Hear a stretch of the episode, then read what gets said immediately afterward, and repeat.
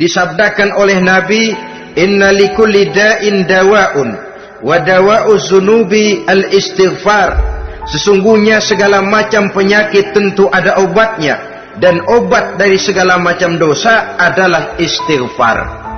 Saudara-saudara kaum muslimin rahimakumullah. Jadi kalau yang terdahulu merupakan perbuatan-perbuatan konkret, maka yang terakhir ini taubat dalam bentuk ucapan berupa memperbanyak istighfar, memohonkan ampun kepada Allah Subhanahu wa taala. Mari kita lihat.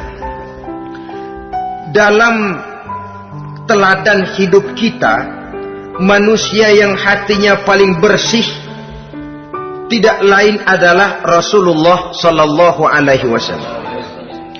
Beliau sudah mendapat jaminan ampun dari seluruh dosa. Liyaghfir ma taqaddama min zambika wa ma kata Allah.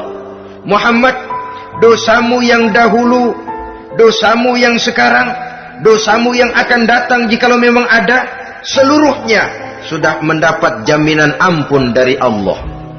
Tetapi coba lihat dari sejarah perjalanan hidup yang mulia ini. Sungguh pun beliau sudah nyata-nyata mendapat jaminan ampun dari Allah.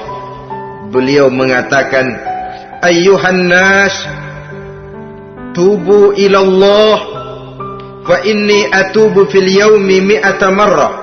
Wahai manusia, bertaubatlah kepada Allah. Maka sesungguhnya saya, kata beliau, dalam satu hari bertaubat seratus kali kepada Allah. Dalam riwayat yang lain, sab'ina marrah, tujuh puluh kali beliau mengucapkan istighfar minimalnya dalam sehari semalam. Orang yang sudah nyata-nyata mendapat jaminan ampun dari Allah ini, satu hari satu malam istighfarnya minimal tujuh puluh kali. Apatah lagi kita yang nyata-nyata belum mendapat jaminan ampun dari Allah. Di dalam satu hadis diriwayatkan bahwa iblis laknatullah alaih pernah berkata, "Ahlaktun nasa bizzunubi wal ma'asi."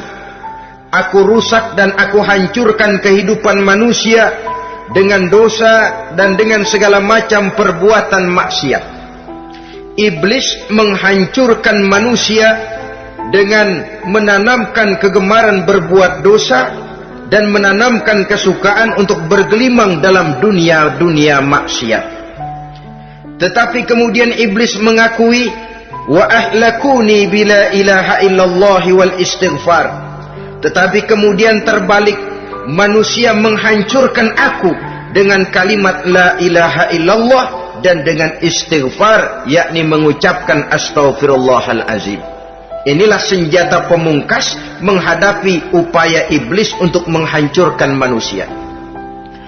Kalau iblis menghancurkan manusia dengan perbuatan dosa, dengan menenggelamkan manusia ke dalam perbuatan-perbuatan maksiat, hendaknya kita sadar. Pada saat kita terdorong untuk melakukan perbuatan dosa, kita lalu sadar inilah perangkap iblis untuk membinasakan saya pada saat kita terjebak ke dalam perbuatan maksiat dan munkarat, ingatlah baik-baik inilah perangkap iblis untuk merusak dan membinasakan saya. Maka hancurkan perangkap iblis, hancurkan tipu daya dan usaha iblis itu dengan apa? Dengan kalimat la ilaha illallah dan dengan memperbanyak istighfar. Falamma ra'aitu dzalik, ketika aku lihat hal itu kata iblis, mereka hancurkan kita dengan dosa dan maksiat dan kita hancurkan mereka dengan la ilaha illallah dan istighfar. Diamkah iblis? Puaskah iblis? Ternyata tidak. Apabila aku lihat usaha manusia itu, ahlaktuhum bil huda, ahlaktuhum bil hawa, wahum yahsabuna annahum muhtadun. Apabila mereka hancurkan aku dengan la ilaha illallah dan istighfar, maka aku kembali menghancurkan mereka dengan mempergunakan hawa nafsu sehingga mereka menyangka bahwa mereka adalah orang-orang yang mendapat petunjuk. Ditanamkan dalam diri kita perasaan bahwa kitalah orang yang paling benar. Itu pun tipu daya iblis. Maka orang pintar itu baik, tapi merasa pintar itu jelek. Orang benar itu bagus, tapi merasa benar itu tidak baik. Karena biasanya orang kalau sudah merasa benar, lalu cenderung untuk menganggap orang lain tidak benar. Kalau sudah begitu, dia akan mengklaim diri, sayalah orang yang paling benar, yang lain tidak benar semuanya. Itu termasuk perangkap iblis juga setelah kita gempur mereka dengan kalimat tahlil dan dengan kalimat istighfar. Saudara-saudara kaum muslimin rahimakumullah. Allah Maha Pengasih dan Maha Penyayang. Ia akan mengampunkan perbuatan yang bersifat salah dari manusia hanya manusia saja yang kadang-kadang bodoh, tidak mau mengampuni dan memaafkan dirinya sendiri dengan membiarkan dirinya terseret berlarut-larut dalam dosa tanpa keinginan untuk bertaubat. Sepanjang nafas belum sampai di tenggorokan, sepanjang matahari masih terbit di sebelah timur dan terbenam di sebelah barat, sepanjang itu Allah masih akan menerima taubat seorang hamba.